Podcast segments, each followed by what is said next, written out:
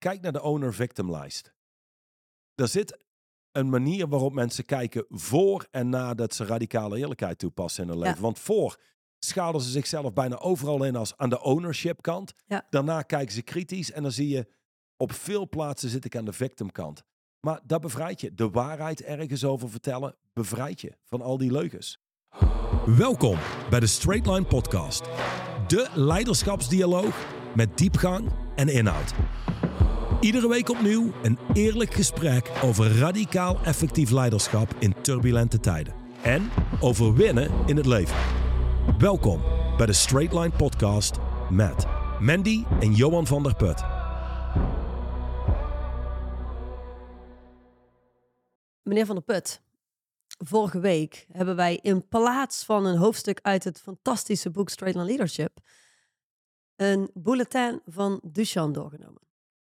Daarbij hebben wij aangegeven dat we er nog één hadden. En als mensen heel graag wilden dat wij dat bulletin ook gingen doornemen, ze daarop moesten reageren. Ik heb een aantal reacties gehad, maar niet bijzonder veel. Jij? Een Ook aantal. Ja, maar ook niet bijzonder veel. Hè? Eh, YouTube heeft ook niet bijzonder veel reacties. Volgens mij maar één iemand zelfs die onder de video heeft gezegd... ja, doe de andere bulletin ook. Dus ehm hey, dat is wat het is. Ja, Ik klaar. snap het Dan ook wel. Door naar het volgende. Want het eh, boek Straight on Leadership is natuurlijk ook uitzonderlijk eh, interessant. Boeiend. En als het dan ook nog eens uitgediept wordt... waarom zou je dan ook nog zoveel anders willen? Hè? Ehm, binnenkort, niet deze week, niet volgende week, maar de week daarop. Dat is de week tussen kerst en oud en nieuw. Dat er een nieuwe podcast weer gereleased wordt. Dat is een hele speciale editie. Een podcast die wij afgelopen weekend hebben mogen opnemen met een speciale gast. Waar ik nog niks over kan vertellen. Maar het is Arnold Schwarzenegger. Ongeveer. ja, ongeveer. Ehm, nou, en, en, en daarin hebben we eigenlijk wel, hoofdstuk 12 is eerlijk zijn waar je over staat versus erover liegen. Eh, dat, staat best mooi in verband met de podcast die we afgelopen eh, zondag hebben opgenomen. En eh, is natuurlijk heel, heel, heel raak als het gaat om waar mensen zich in de maatschappij tegenwoordig überhaupt bevinden. De meeste mensen zijn absoluut niet slecht, maar liegen zoveel over waar ze werkelijk staan, dat ze volgens mij zelf niet eens meer in de gaten hebben waar ze werkelijk staan. Ze hebben geen Wie ze sense. zijn en waar ze staan. Exact. Ze hebben gewoon geen sense of realism meer. Dus eh, hey, het is een kort hoofdstuk, het is één pagina. Maar zoals jij net zei, we zouden daar hoeveel uur aan kunnen wijden? 18 dagen. Oké, 18 dagen zelfs. Dat gaan we niet doen. Het zal ongeveer 28 minuten zijn, verwacht ik. En dan, ehm, dan eh, zijn we weer klaar met de podcast van deze week. Dit is wel echt een mega belangrijke. Waarom? We hebben natuurlijk een aantal eh, hoofdstukken van het boek, St- 11 om precies te zijn, van het boek Straight Line Leadership al doorlopen. En in de eerste paar hoofdstukken wordt duidelijk vermeld dat Straight Line Leadership staat voor in een rechte lijn van punt A naar punt B bewegen. En er staat ook dat het helder hebben van je doel, van je endgame, van je targets, een ongelooflijk belangrijk onderdeel is van daar überhaupt uit kunnen komen. Echter, als wij in coaching starten met iemand, of het nou een, een cliënt is waar we één op één mee gaan werken, of iemand in een lidmaatschap, is, er, is het heel mooi om punt B in kaart te brengen, maar is er altijd een, een ander heel cruciaal punt om in kaart te brengen. Want zonder dat we weten waar A is, kunnen we helemaal niet van A naar B bewegen. Ja, er wordt wel eens gezegd, punt B geeft richting aan je leven. Weten waar punt A is, creëert een heel stuk meer kracht in je leven. En ook trouwens als het gaat over, als jij mij zou vragen, wat je niet doet, maar ik beantwoord de vraag Bij zonder dat jij hem stelt. Exact, vraag ik het. Op basis waarvan kan ik inschatten of ik heel snel vooruit ga met een cliënt of minder snel. Maar één ding, we gaan snel vooruit. Maar er zit hem in hoe duidelijk heeft iemand punt A. Punt A weten en weten waar je vandaan komt is veel belangrijker eh, om bij B te komen dan weten wat B is. Ja, absoluut. Absoluut. Dus eerlijk zijn, waar je, eh, eerlijk zijn over waar je staat. Daadwerkelijk kunnen definiëren. Wat is mijn punt A? Waar sta ik momenteel? Wat is de huidige situatie? Wat zijn de feiten? En wie ben ik en wie ben ik geweest? Wat heeft geresulteerd in deze punt A? Dat is natuurlijk, eh, of dit- dit punt A, is van ongelooflijk belang. Nou, de eerste zin vind ik wel een leuke van het hoofdstuk om even te lezen en te kijken wat jij erop te zeggen hebt. De meeste mensen met wie ik heb gewerkt, dat is natuurlijk Duchan, hè, want die heeft het boek geschreven, De meeste mensen met wie ik heb gewerkt zijn bovengemiddeld slim. Maar wanneer mensen continu wegkijken van de realiteit, dan maakt ze dat Dom. exact. Is exact waar wij in die special podcast ook op ingaan. Eh, hoe hele slimme mensen soms de meest domme beslissingen kunnen maken. En eh, het lijkt wel alsof ze een deel van hun brein eh, uitzetten. Dus vertel, wil je daar iets aan toevoegen? Ja, de- voor de komende 18 dagen heb ik verteld. Dus het wordt Ja. onze langste podcast tot nu toe. Ehm, ja, dus als jij iemand wil helpen van A naar B, stel iemand belt jou op en die wil de weg weten. Die is op weg hier naar de studio. Dan is de eerste vraag die jij stelt. Waar ben je nu? Ja, dus als iemand daar denkt in ehm, Maastricht te zijn, maar in werkelijkheid zit hij in Amsterdam. Dus hij heeft niet helder waar punt A is. En jij geeft aanwijzingen. Ehm, de aanwijzingen van Maastricht naar hier, naar de studio, kan je niet helpen om vanuit. Amsterdam naar hier te komen. Juist. Het is exact. beide de A2, dat dan wel weer, maar het gaat toch letterlijk de andere kant op. Dus absoluut. Ja, nou, en, en mijn, mijn, mijn eerste ehm, contact met Duchan al relatief snel zei hij, weet één ding, 80% van wat er uit de mond van mensen komt is een leugen. En we waren hier net in de studio met elkaar in gesprek en toevallig ging het erover dat ik, eh, in, toen ik begon met dit werk, in eerste instantie verbaasd was over hoeveel mensen liegen. Waar, waarin ik zei, ik, toen ik begon te werken met Duchan was ik echt naïef.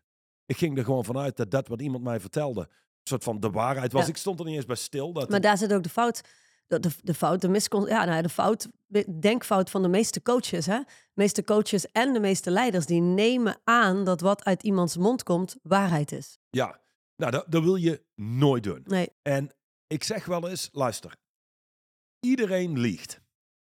Het zijn de mensen die nu meeluisteren en denken, ik lieg nooit. Dat zijn degenen die eh, over het algemeen het meeste liegen. is mijn ervaring. Degenen die ook het meeste spreken over hoe eerlijk ze zijn, zijn vaak de grootste leugenaars. Ja. Die lekken daar al wie ze werkelijk zijn.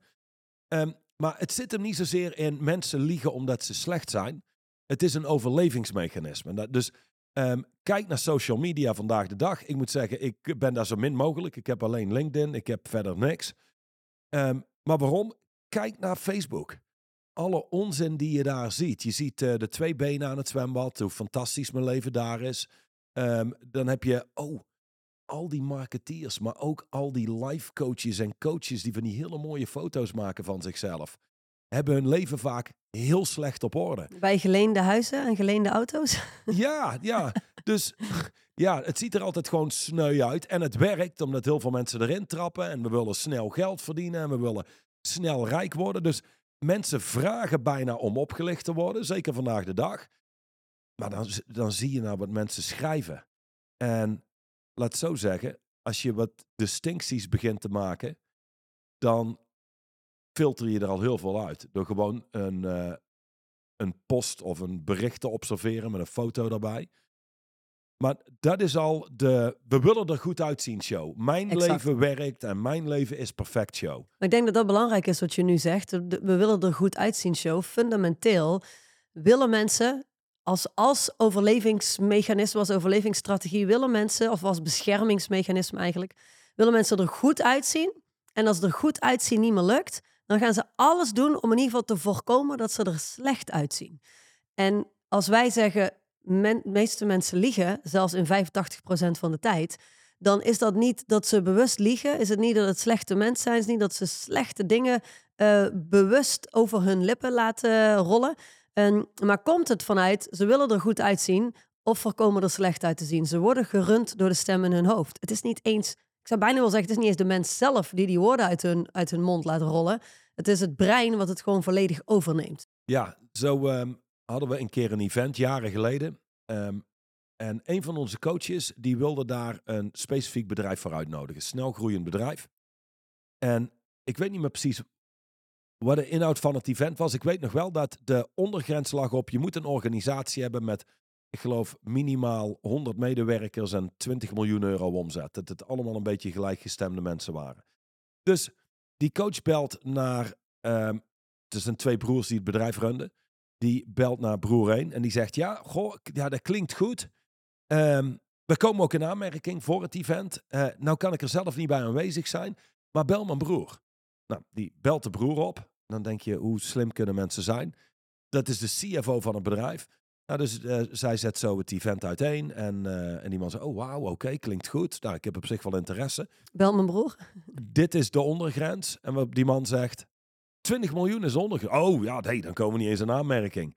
Eh, afgelopen jaar kwamen we uit op 7,2 miljoen. Iets in die richting was het. Terwijl de broer zegt net daarvoor, oh, we komen prima in aanmerking. We zitten ruim over die 20 miljoen grens. Uh, en het zijn dat soort leugens. Het is een leugen om er goed uit te zien. Precies. Uh, zo staat heel uh, social media vol. Hè? De meeste mensen tegenwoordig zijn doodongelukkig. Maar op social media hebben ze een perfect leven. Ja, jij had een tijdje terug ook een heel mooi voorbeeld van, um, oh, wat was het nou, van die netwerkbijeenkomsten of van die... Um, Waarin mensen vier keer zoveel gaan verdienen. Ja, vertel nog eens, want ik denk dat het goed is om regelmatig zulke voorbeelden terug te laten ja, Dus dit is de grap binnen netwerkmarketing. En um, zonder iets slechts te zeggen over netwerkmarketing, maar iemand komt daar binnen en die verdient, ik noem maar iets, uh, eh, 600 euro per maand.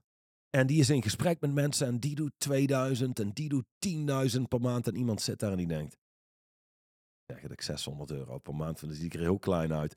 Dus dat wordt 1200 euro, weet je wel. Dus uh, nee, ik, ik doe 1200 euro in de maand. En je gaat naar het volgende gesprek en in het volgende gesprek wordt het al 2400 euro, want, want hij doet 20.000 euro per maand. En tegen de tijd dat je naar huis gaat, doe je 4800 euro uh, bewijzen van. Ja, uh, dus dat is de manier van liegen. Ja, en, en het zijn, het, dat is geen slecht persoon. Nee. Nee. Uh, en het, is, het, het, het laat je wel steeds verder afstaan van de realiteit. Waardoor je zelf op een gegeven moment uit contact gaat met wat jouw punt A, waar sta je nu momenteel werkelijk uh, daar ga je steeds verder de, hoe zeg je dat, het contact mee kwijtraken. Ja, maar denk, ja, absoluut. En denk ook aan het volgende liegen. En dit is ook een voorbeeld wat ik al ooit gebruikt heb. Dat uh, het aantal onderzoekers spreken mensen aan op straat. Uh, mensen met overgewicht die graag zouden willen afvallen. En nou, uiteindelijk komen ze bij een dame uit. Behoorlijk wat overgewicht, is gewoon, heeft obesitas. En dit is zo'n vorm van liegen. Ja, weet je, ik heb al van alles geprobeerd. Ik kan niet afvallen. In mijn familie hm. uh, hebben mensen nou eenmaal een trage stofwisseling. Nou, dit is gewoon een verhaal wat gaande is in die familie. Vervolgens doen ze onderzoek en waar komt het op uit? Of waar komt het op neer? Ze heeft een bovengemiddelde snelle stofwisseling. Dat doen ze netjes met zo'n slaaponderzoek en hoeveel calorieën je verbrandt in rust. En, uh, maar dat is ook een vorm van liegen. En het ding is dit je kunt nooit van iets afkomen als je niet erkent dat het er is. Dus als het is, ja, ik kan niet afvallen, want ik heb nou eenmaal een stofwisselingsaandoening, dan ga je er nooit aan beginnen. Nee, en dan confronteer je jezelf dus ook niet met hoe dat je leven ingericht is, wat wat resulteert in het feit dat je überhaupt zoveel overgewicht hebt. Dus je confronteert jezelf niet met het feit dat je... Met alles wat je in je mond stopt. Ja, met alles wat je in je mond stopt. Dat je 9 of 10 uur per, per, per 24 uur slaapt. Uh, dat je heel weinig beweegt, weinig in actie komt. Dat zijn allemaal dingen waar je niet echt naar kijkt. Nou, eerlijk zijn over waar je staat versus erover liegen... is een distinctie die, die, die niks anders zegt dan Laten we nou eens feitelijk gaan kijken wat jouw punt A is. Waar sta je nu? Wat is ons vertrekpunt? Waarom is dat zo interessant? Omdat als je in staat bent om eerlijk te zien waar je nu staat, kun je jezelf ook de vraag stellen: hoe ben ik hier terechtgekomen? Wie ben ik geweest? Wat heb ik gedaan wat werkte en wat heb ik gedaan wat niet werkte? Je, je, je kunt letterlijk bijstellen gebaseerd op uh, past experiences. Ja. ja, en dan heb je ook nog het volgende. En dit heeft, uh, maar dit is ook een vorm van liegen, maar ook gewoon geen, geen accurate inschattingen kunnen maken. Dus toen ik uh, voor het eerst aan de lijn kreeg en ik vertelde waar ik me bevond, ik dacht in de coachingsbranche al een aardige jongen te zijn. Um, bovengemiddeld effectief, bovengemiddeld um, qua competenties, qua inkomsten. En ik weet nog dat ik hem sprak. En hij vroeg feitelijk waar, waar bevond ik me. Ik begon daar mooi over te vertellen. Daaraan merkte ik al, hij prikt gewoon eigenlijk dwars door mijn bullshit heen. Ja. En, um... Maar het is wel grappig, want toen je dus voor de eerste keer uh, met Dusan online kwam, of, of aan de telefoon kwam, um, wie jij was, zeg maar, de, de perceptie van, van jouzelf op dat moment was, ah, ik ben bovengemiddeld, behoorlijk kick ik, ik verdien goed, weet je, ik doe mijn werk goed als coach. Als, je, als deze Johan nu terugkijkt op hoe je werk als coach toen was, dan ik zou, ik zou of in de lach schieten, of, of, of de tranen zouden in mijn ogen schieten. Eén van de twee, maar hey, luister. ehm, het, het had te maken met de mensen waar ik me mee omringde. Tuurlijk. Ehm, het heeft te maken met, eh, denk aan het volgende. Duchan stuurde ooit helemaal in het begin toen we werkten eh, met hem eh, de webshop door van Hermes of Hermé. Ik heb geen idee hoe je het merk uitspreekt. Ehm, en daar stonden handtassen op van 70, 80.000 dollar. Wat was, hey, het is gewoon goed om bewust te zijn van die wereld. Ja. En laat ik zo zeggen, ehm, van alle gemiddelde mensen, ja, daar heb je zeg maar de, degene die ondergemiddeld zijn en degene die bovengemiddeld zijn. Laat zeggen, dat is de schaal. En dan heb je daar buiten nog een, een hele wereld van, ik zou zeggen, echte coaches die zich echt in het coachingspel uh, begeven. En dus Duchan zei ook, um, toen, toen, toen het ging over de, zeg maar, de betaling, 175.000 dollar. Ik zei, goh, is toch een hoop geld. Ik heb dat niet helemaal volledig bij de hand. Keek, hij keek me niet aan, maar de mm. idee had ik toch, zei hij. So basically what you're saying is, you're almost 30 years old and you're still broke. So just notice that. Your best thinking has gotten you where you are. Today, point A. Ja, en toen dacht ik, in eerste instantie speelt er zo'n kleine rel af in je hoofd. Wat wil afwijzen wat hij zegt. En toen keek ik. Ja, maar dat is wel belangrijk wat je daar zegt. Want dat is inderdaad, de meeste mensen pikken dat niet eens op. Maar er ontstaat direct een kleine rel in je hoofd. Wat wil afwijzen wat die ander zegt. Ja. Omdat het je, je fout maakt. Je het voor je gevoel er niet goed uit laat zien. Precies. En toen zei hij ook nog, zei hij ook nog dit. Dus ik zei, uh, goh, dat is een hoop geld. Uh, dat, is ook niet iets wat ik zo heb staan. Zo zei ik het. Uh, en toen zei hij, well, just notice that. Now, if you're not willing to invest $175,000 in a real coaching business, I would say get a job. En toen deelde hij een verhaal over als jij hier in Amerika een klein bedrijf wil starten. En toen uh, gebruikte hij het voorbeeld van iemand die um, een. Um, ja, Was het niet dus? een McDonald's-vestiging of zo? Nee, geen oh, McDonald's-vestiging. Iemand die in een uh, franchise. Hoe noem je dat? Mensen inbalsemt. Uh, mensen die overleden zijn, oh, inbalsemt. Okay. Mm -hmm. En zeg maar klaarmaakt voor. Um, de laatste reis. Ja, exact.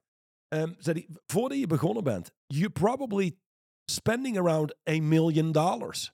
Now, as a real coach, you can make a hell of a, hell of a lot more than that. En toen zei hij ook nog so what did you do last year? Dus ik deelde wat ik deed. Ik denk net geen 700.000 uh, euro of zo. Zei hij, to be honest, I don't really know of any real business coach that does less than a million dollars. To be honest. En toen dacht ik, hmm. Goh, dat is een hele andere wereld. Hmm. Ik wist niet of ik het, misschien wist ik niet eens of ik het helemaal serieus moest nemen. Of dat het een soort van marketing was. Uh, ja, totdat ik hem uiteindelijk leerde kennen. En dan kom je erachter. Okay. Er is zo'n enorme wereld voorbij aan wat. Uh, en zeker als het gaat om coaching en wat je online hè? ziet. En het zijn de echte coaches die zich meer op de achtergrond begeven. Je weet daar vaak niks van. En die leven echt in een andere wereld. Oké, okay, maar als we dus daarnaar kijken, want dat vind ik heel interessant wat jij nu zegt. We hebben het hier over eerlijk zijn over waar je staat. Je zou kunnen zeggen dat voordat jij Duchamp sprak, had jij een bepaald beeld van jezelf. Um, en je zou kunnen zeggen, aangezien je geen weet had van die andere wereld, was dat beeld redelijk accuraat binnen, binnen de perceptie die jij had. Ja. Dus is het dan liegen? Of is het dan, ja, je, je hebt gewoon niet echt zozeer een grotere wereld. Want toen jij eenmaal in contact kwam met die grotere wereld, uh, toen zag je, hé, hey, wacht eventjes, uh, de manier waarop ik naar mezelf kijk en uh, hoe badass ik me vind en hoe, hoe ik hier rondloop alsof ik, weet je wel, absolute meester ben. Ja, dat maakte je in één keer humble. Er was in één keer een hele wereld waar jij nog geen weet van had. Hoe zie je dat? Was dat erover liegen of vindt dat niet plaats in deze distinctie? Je zou het absoluut kunnen scharen over erover liegen. Ik bedoel, laten we heel eerlijk zijn. Ik heb ook nooit echt moeite gedaan om um, voor die tijd om te kijken, hey, wat is er eigenlijk daarbuiten, los van de wereld die ik hier ken? Ja. Um, maar het is misschien meer ignorance, gewoon onwetendheid, um, waar je naar kijkt. Maar hey, luister, je zult verantwoordelijkheid moeten nemen daarvoor. En ik zie een hele hoop coaches die vinden zichzelf echt ontzettend goed. En dan kijk ik daarna, dan denk ik, ik zou het niet eens een coach durven noemen. Mm. Want ze hebben gewoon geen fucking skills. Ja, maar er zijn natuurlijk ook veel coaches en we moeten uitkijken, want de podcast is natuurlijk voor zakelijk leiders. Maar goed, als je nu een zakelijk leider bent die luistert of kijkt, dan vervang het woord coach voor ondernemer. Uh, want er zijn ook heel veel coaches die het idee hebben dat ze een hele goede coach zijn op het moment dat ze eh, mensen aan het huilen krijgen of zo. Of eh, ja, nee, ik heb die persoon echt helemaal kunnen openen. Weet je, Oh, ja. zulke- ja, precies. Dus Ja, eh, nee, laten we daar- daar, daar inderdaad niet over spreken, want Nee, dat is een exact, maar daar trieste zit- wereld. daar zit natuurlijk een, een, een. Dus, dus ook daar is weer de vraag. Dus ik vind jouw antwoord heel, heel terecht. Ook daar is weer de vraag. Ja, die gasten die weten niet beter. Die denken dat op, iemand, op het moment dat iemand zijn emoties begint te uiten, dat je goed bent als coach en dat je een goede luisteraar bent. Of, of nog erger, als iemand een soort aha-erlevenis heeft, zit van, oh man, dat had ik nog nooit zo gezien, dan maak je ook geen goede coach. Nee. Want mijn ervaring is dat een hele hoop come to Jesus moments Nooit geïmplementeerd worden. nooit vertaald worden Nee. in keihard resultaat, in nieuwe acties en een nieuwe manier van zijn. Dus ehm, laat ik zo zeggen, eh, om dit, dit deel af te ronden, echte coaches zijn schaars. Eh, voor een heel deel is het, eh, waar het vandaan komt, is dat waarvan we niet weten dat we het niet weten. Dus ik wist, ik wist niet beter. In ondernemersland is het exact hetzelfde, want je zou kunnen zeggen, dit is een inschatting, dus ik zou zeggen, pin me niet precies vast op het percentage, maar het zal hem zo zitten rond eh, zeker 70% van de mensen die zich ondernemer noemt, begeeft zich eigenlijk amper in het ondernemerspel.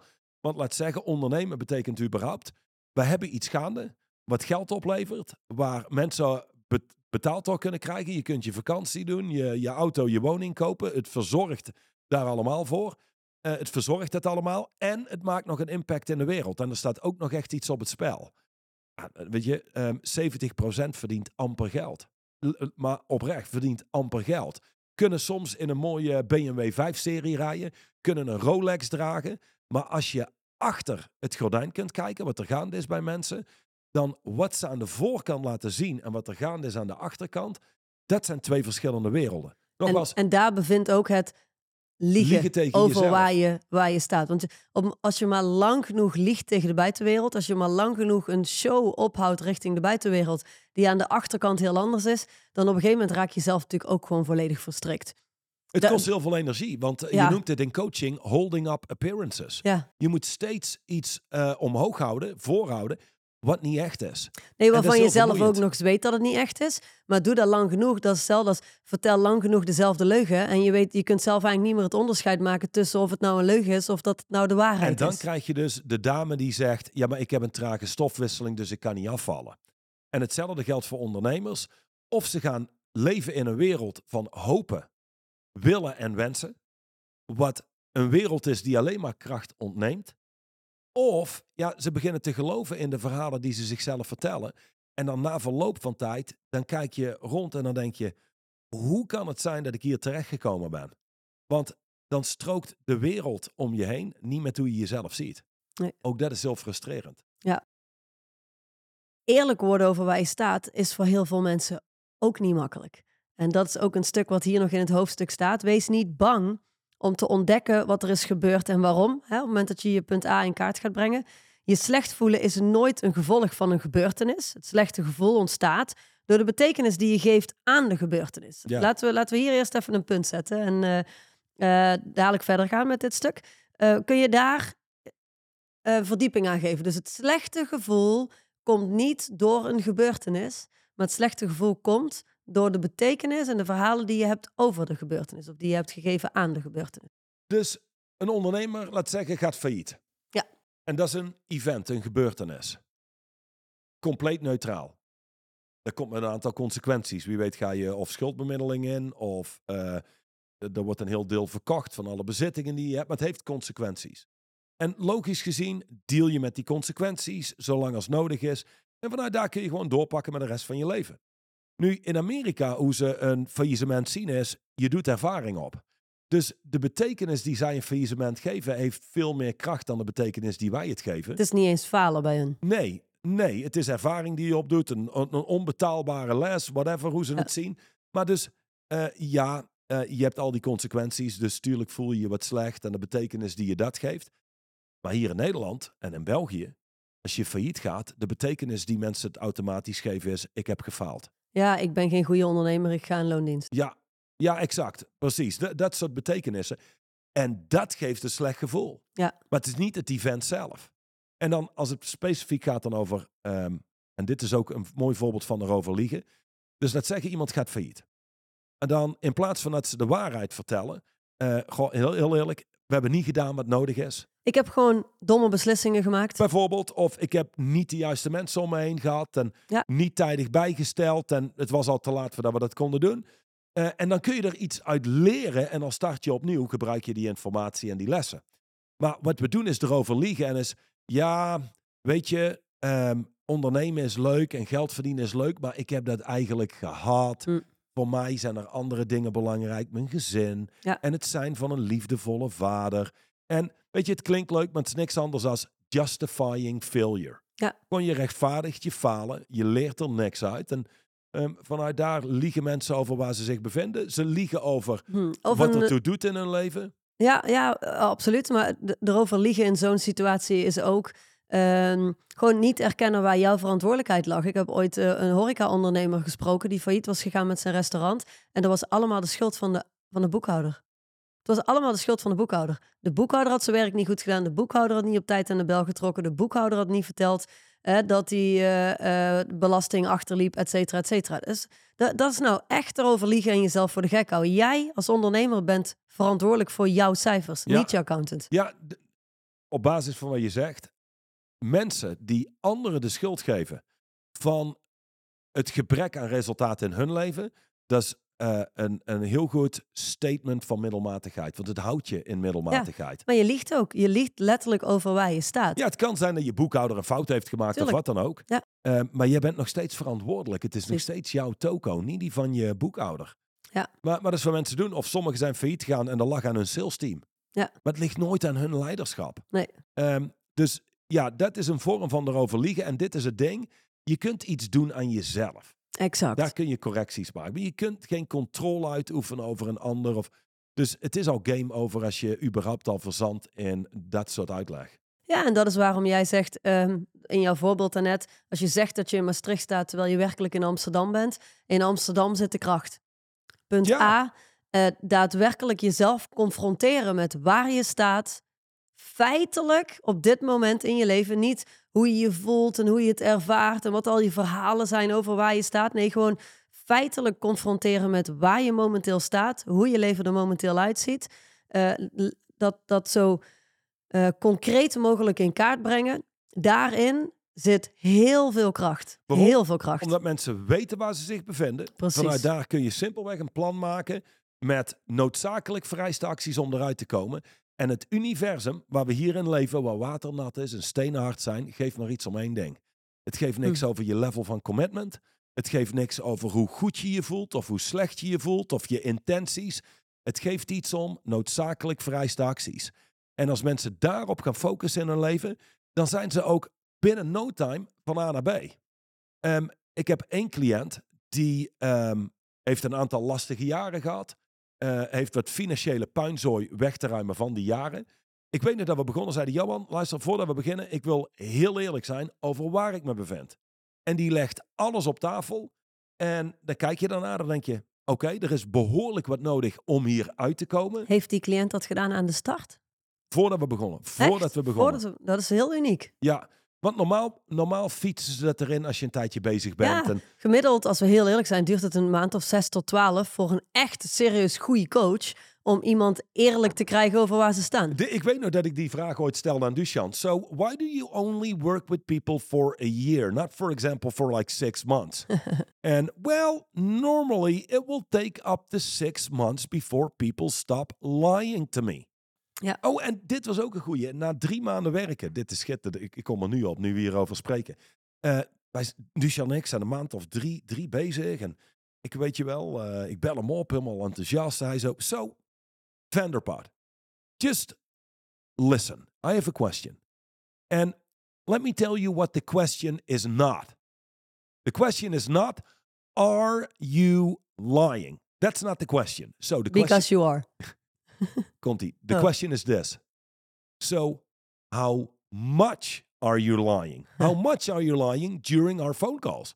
Wel cool. Dus in, dat, in, die vraag, in dat gesprek wat hij met jou ging hebben, eh, was de context al... Weet je, je hoeft niet te verdedigen dat je niet, dat je niet liegt, zeg dus maar. Want automatisch wat gaat gebeuren. Exact. Dat deel wat in ons ligt wil altijd beschermen. Dus dan meteen, no, no, no, but I I'm don't lie, really I don't lie. No, no. No, it's not. Nee, so the question is not, are you lying? are you lying to me? The question is, How much are you lying to me? En toen kwam hij. Dit was niet soort van, are you lying like 2% or 4? No. Are you lying like, you know, 80% of the time, like 70% of the time? Or 60. Ja, en ik, en ik weet nog, en het gaat om dingen zoals dit. Ik weet nog bijvoorbeeld uh, in, in de weken daarvoor dat ik zei, well, uh, I closed two new brilliant clients. En dan Duchan zo, well, okay, uh, you really closed them? Did they pay you? En dacht ik, fuck, nee, dat hebben ze niet gedaan. Maar ik ga ook niet doen alsof het niet zo is. Zeg, yeah, yes, yes. They, yeah, yeah, yeah, we already started. Yes, they, they paid me. en waarschijnlijk door hoe ik het zei, wist hij al lang. Exact. Fuck it, bullshit. Ja. En zei hij, oké, okay, good, good. Daar krijg je ook right. een speciale sens, sens voor, hè, als je dit maar lang genoeg doet. Hoe eerlijker je wordt, hoe meer Ja. je hoort aan Ja. kleine dingen dat iemand liegt. Nou, dus, uh, dus hij zei, uh, dus ik zei dit. Um, er kwam in één keer, in, in één keer komt dat ook omhoog dat je denkt. Al had je me gewoon koud gevraagd, ben je eerlijk tegen Duchan, had ik gezegd, well, yeah, of course. Maar door hoe hij het zei, ging ik kijken en ik ging staan in die vraag, hoeveel lieg ik eigenlijk? Laat ik die jas eens aandoen en laat ik eens om me heen kijken. En ik weet niet dat mijn antwoord was, probably like 40, 50 percent. En toen zei hij dat. Okay, good, good. You, you know, you know it's more than 50%, but at, le- but at least You know you're lying you're- right now. You're getting more honest. en, en weet je, maar dit is mijn observatie met het werken met mensen. Luister, dit is niet, ik heb geen leugendetector aanstaan met mensen. Dit is coaching, weet je wel. Dit is niet, je zit hier voor een of ander gerechtshof. Nee, natuurlijk niet. Nee, dus, dus het ding is, als mensen gewoon eerlijk genoeg zijn, zodat je ze kunt helpen, precies. dat is voldoende. Als ze hier en daar een keer een leugentje hebben om eigen best wil, is wat mensen doen. vaak pik je dat er wel uit. Maar Ja. fine. Eh, en, en dat is wat het is. Dus die ene cliënt... Ik het zeggen, terug te naar jouw cliënt. Ja. Ja, die zo eerlijk was, toen wist ik ook... Oké, met deze kerel kunnen we helpen. Want normaal proberen ze dit juist te beschermen en weg te houden. Ja. Maar als hij me dit deelt en zo eerlijk is... Ja, dan kunnen we ook naar B. Sterker nog, Maar de- dit was een ding. Ook één ding waar hij eerlijk over is. Zegt hij, Johan... En dan kan ik al een koppeling maken naar volgende week. Johan, ik merk gewoon dat ik regelmatig please. Maar normaal zou zo iemand daar ook nooit eerlijk over zijn. Want het is een behoorlijke hard ass. Ik denk dat iedereen die dit zou horen zou denken... Wat? Hij? Hij? No way. Maar doordat hij er zo eerlijk over is... kan hij er verantwoordelijkheid voor nemen. Kunnen we eraan werken. Eh, en die heeft heel snel stappen gemaakt. Ja, want dat wilde ik inderdaad net zeggen. Uiteindelijk als iemand aan de start al zo verschijnt, dan, dan, weet je niet, dan weet je als coach niet alleen dat je daar veel mee kunt creëren, maar dan weet je als coach dat je daar heel snel heel veel mee kunt creëren. Ja. Ehm, die cliënt is waarschijnlijk ook wel zo hard tegen de lamp gelopen hè, en kwam zo op een punt dat hij dacht, ik moet dit nu doorbreken, eh, dat hij daardoor... ehm, ja, gewoon dacht, weet je, la- laten we alles Ja, op tafel gooien Ja, en je- kijken wat we kunnen. En nu En is dat het is- moment dat we er ook uit gaan komen. Exact. En dat is natuurlijk uiteindelijk het aller, aller, allerbeste wat je kunt doen. En of je nou alles op tafel gooit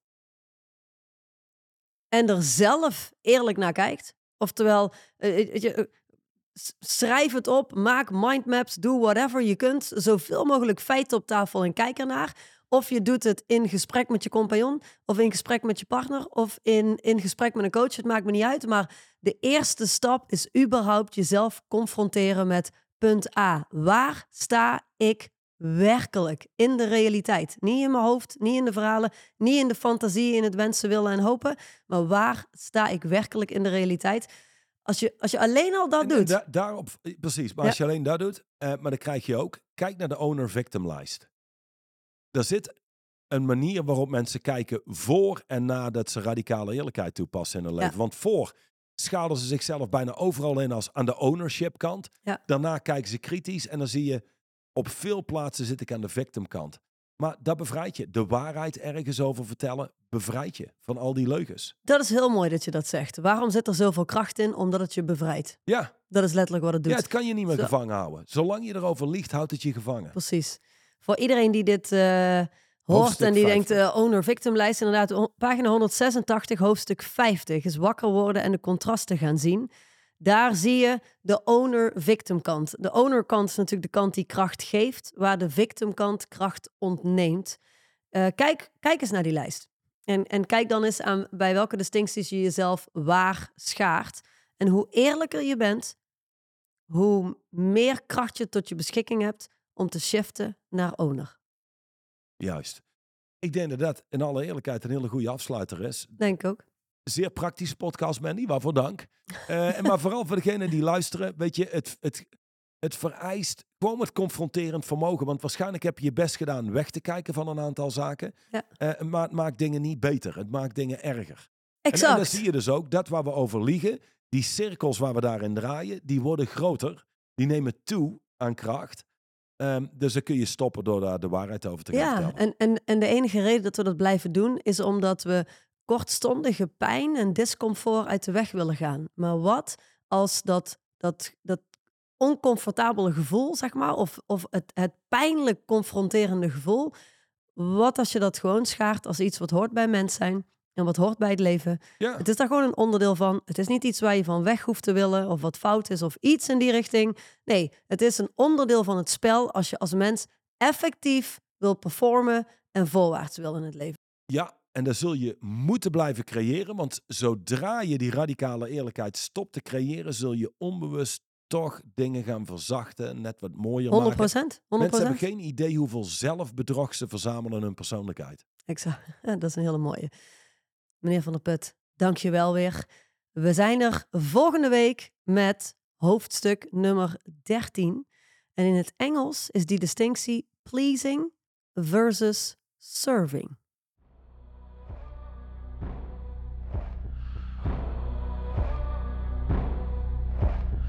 De overige podcast beluisteren of deze nog eens terugluisteren? Ga naar het YouTube of Spotify account van Straight Line Leadership.